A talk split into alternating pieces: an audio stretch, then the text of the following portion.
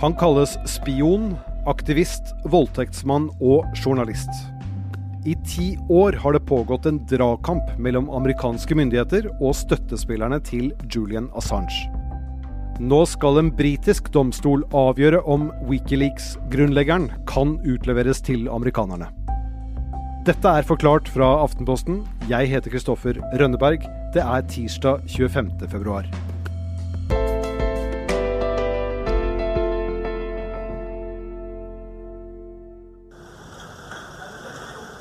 Noen få kvartaler fra Buckingham Palace i London ligger Ecuadors ambassade i en rød mursteinsbygning med hvite karmer. 11.4 i fjor er det ett nyhetsbyrå, Ruptly, som har fått med seg at det kommer til å skje noe her. Etter å ha filmet inngangen til ambassaden i flere dager, er det de som fanger bildene av en mann som blir båret ut av denne bygningen. Mannen har langt, hvitt hår og uflidd skjegg. Sju menn i dressjakker bærer denne mannen liggende på magen mellom seg. Julian Assange roper på vei inn i den store politibilen at Storbritannia må stå imot. UK must resist. Du ser en veldig sliten, preget mann som altså har tilbrakt uh, syv år uh, der inne i ambassaden. To år i husarrest før den tid. Per Anders Johansen, du er journalist her i Aftenposten. Hvis vi hopper ni år tilbake i tid, da satt Assange på en scene i Tønsberg sammen med deg på en journalistkonferanse. Hva gjorde han der? Julian Assange ble invitert til å snakke om sitt arbeid for Wikileaks, som da hadde pågått i flere år. En rekke mindre lekkasjer hadde da kommet ut fra Wikileaks, men det var ikke stor interesse for det. Det var jo nesten ingen til stede faktisk i salen. Folk var opptatt av helt andre ting. Jeg var jo en av dem som satt i salen under den konferansen med Assange, Per Anders. En annen ting jeg husker, er at Assange gikk rundt med en koffert som han hadde lenket fast til hånden. Hva, hva var det han hadde i den kofferten? Nei, altså Assange han, eh, han kom jo med små antydninger, eller ja, egentlig ganske store antydninger, om at han eh, satt på en bombe, og at de snart ville publisere eh, veldig avslørende dokumenter. Og i i kofferten hadde han jo sin PC. Vi vet at han på den tiden kommuniserte jevnlig med Chelsea Manning, som hadde da skaffet Wikileaks tilgang til 740 eh, 000 dokumenter fra amerikansk militære, fra amerikanske ambassader.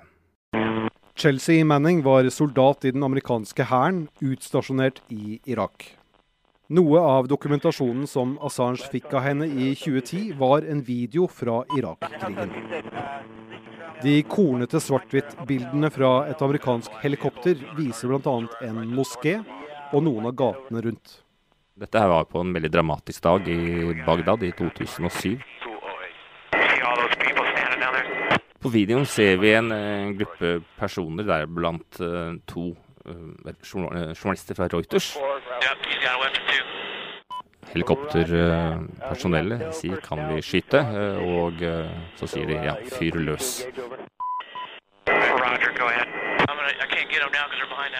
Helikopterpersonellet tror at kameraet til den ene journalisten er et våpen.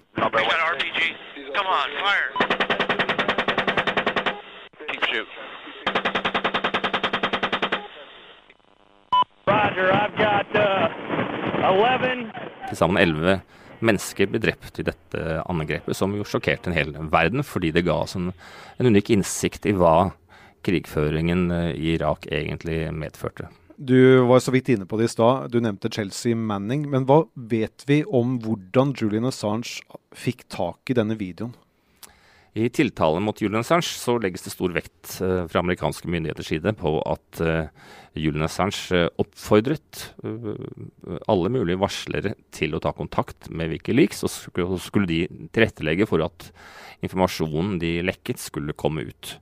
Uh, man kan jo si at det er jo noe veldig mange andre medier gjør uh, ofte. Altså tilrettelegge for at varslere kan komme ut med sin informasjon. Og det er jo derfor denne saken har fått så veldig stor uh, oppmerksomhet. Her prøver amerikanske myndigheter å få fengslet en person som har lekket informasjon fra en varsler. Og varsleren selv, altså Chelsea Mannings, har jo allerede sonet en lang dom for dette og er faktisk eh, fengslet igjen fordi at eh, Manning ikke vil eh, vitne mot Assange. Senere det året viste det seg at videoen bare var første del av en mye større lekkasje. Vi er straks tilbake.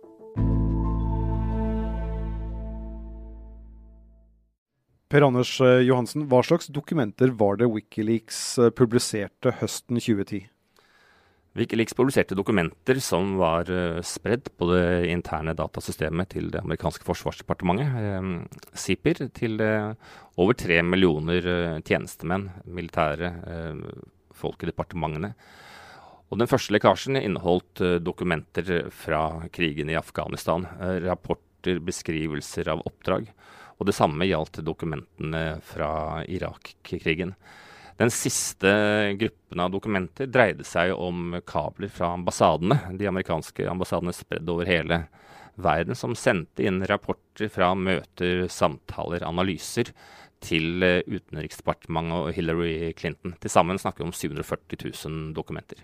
Per Anders, eh, Wikileaks og Assange valgte å dele disse dokumentene med et utvalg mediebedrifter. Og så i desember 2010 så fikk Aftenposten tilgang til dem via en annen kilde. Eh, da var vi en liten gruppe som jobbet tett med dette i en periode. Kan du fortelle litt om hvordan det var å jobbe med en sånn enorm mengde dokumenter? Den første tanken som nok mange av oss uh, fikk, var jo at dette her blir veldig vanskelig. Fordi vi visste at uh, Wikileaks og deres samarbeidspartner i Le Monde, New York Times, Guardian, Spiegel allerede hadde hatt tilgang til dokumentene i et halvt års tid. Eh, så jeg var litt i tvil om det var noen nyheter å finne. Det jo Aftenposten gjorde, som jo var et uh, vellykket grep, var jo at vi um, fikk analysert, eller vi gjorde dataen tilgjengelig i en intern lukket database, slik at det var lettere for oss å både søke gjennom, analysere og finne fram til da saker som de andre journalistene ikke hadde, hadde funnet. Og det vi fant, var jo uh, store nyheter som sa dagsorden over hele verden.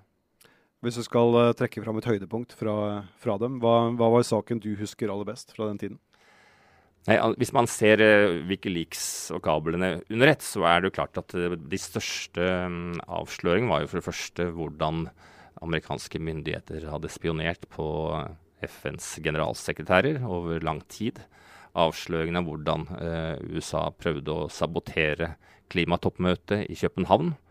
Eh, alt dette var store saker som gikk over eh, hele verden. Og eh, avsløringene av, av drap på sivile i krigføringen både i Irak og Afghanistan.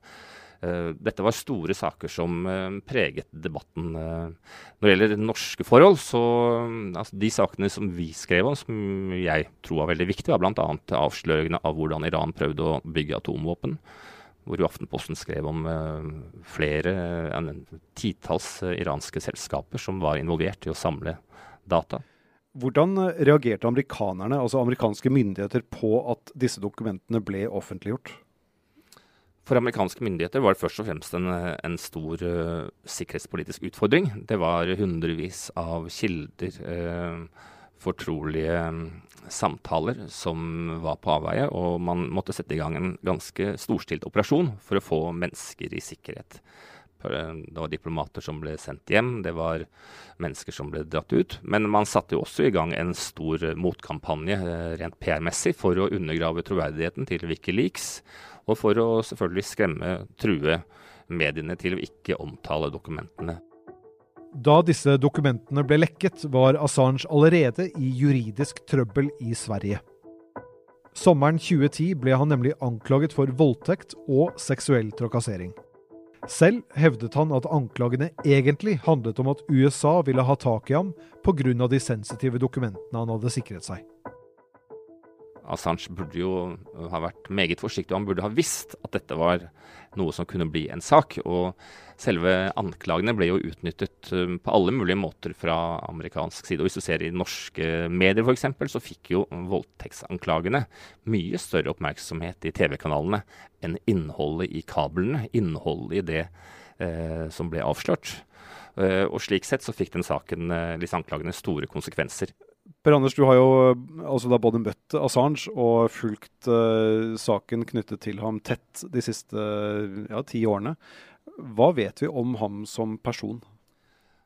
Julian Assange er jo uh, først og fremst en aktivist som tror han har et uh, kall, og er veldig overbevist om at hans måte å å løse disse problemene på, er den eneste riktige. Det gikk ganske kort tid før det oppsto store samarbeidsproblemer pga. hvordan Assange er. Han, eh, hele Wikileaks eh, sprakk internt. Han eh, ble uvenner med journalisten i Guardian i New York Times. og han ringte jo oss i Aftenposten og, og skjelte oss ut da han oppdaget at eh, også Aftenposten hadde fått tilgang til eh, dokumentene. Den, det mest nære bildet av Assange blir jo gitt i dokument, dokumentarfilmen til Patras om Julian Assange, hvor han beskrives som en person som er, blir mer og mer autoritær, som behandler omgivelsene sine dårlig, behandler sine medarbeidere dårlig. og i tillegg eh, ja, har høye tanker om seg selv. Men alt dette her er jo på mange måter helt irrelevant. Det er ikke det han nå risikerer å bli utlevert for. Det er ikke, eh, det er ikke noe straffbart å utvikle seg som han gjorde. Eh, men det er en side ved historien om Assange. I 2012 fikk Assange asyl i Ecuadors ambassade i London etter at han ble løslatt mot kausjon av britiske myndigheter. Etter syv år fikk britisk politi lov til å hente ham ut, og Assange ble arrestert i april i fjor for å ha brutt kausjonsvilkårene fra 2012. 1. mai ble han dømt til 50 ukers fengsel. Tiden på ambassaden og i fengselet har gått hardt utover Assange, ifølge støttespillerne hans. FNs spesialrapportør for tortur, Nils Meltzer, er blant dem som har ropt alarm. Han mener at Assange viser alle symptomer på at han har vært utsatt for langvarig psykologisk tortur. Nå er han en av mange som krever at Wikileaks-grunnleggeren ikke kan utleveres til USA. I visited him with two medical experts. We came to the conclusion that had, he had been exposed to psychological for a, a prolonged period of time. That's a medical assessment. For det som skjer i London nå, er en høring for å finne ut om Assange kan utleveres til amerikanerne.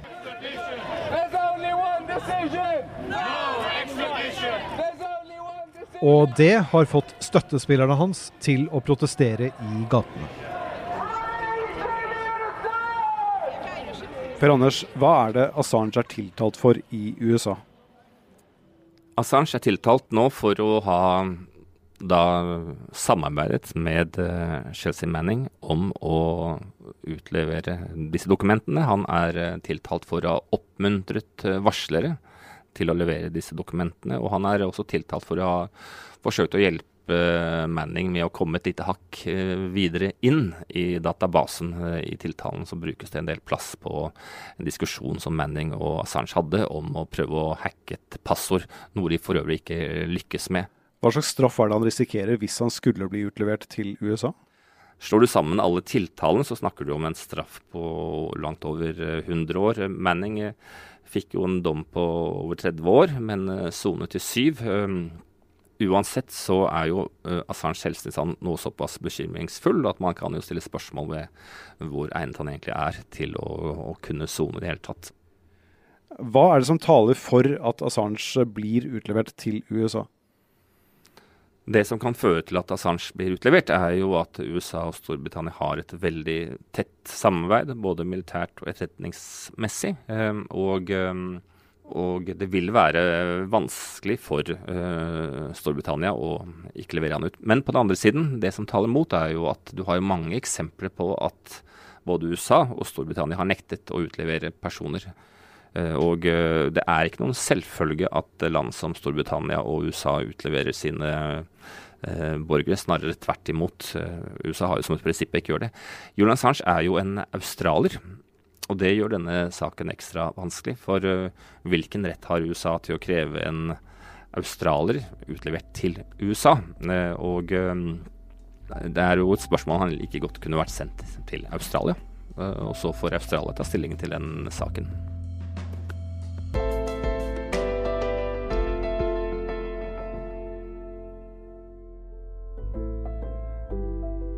Forklart lages av Caroline Fossland, Anne Lindholm, Andreas Bakkefoss og meg, Kristoffer Rønneberg.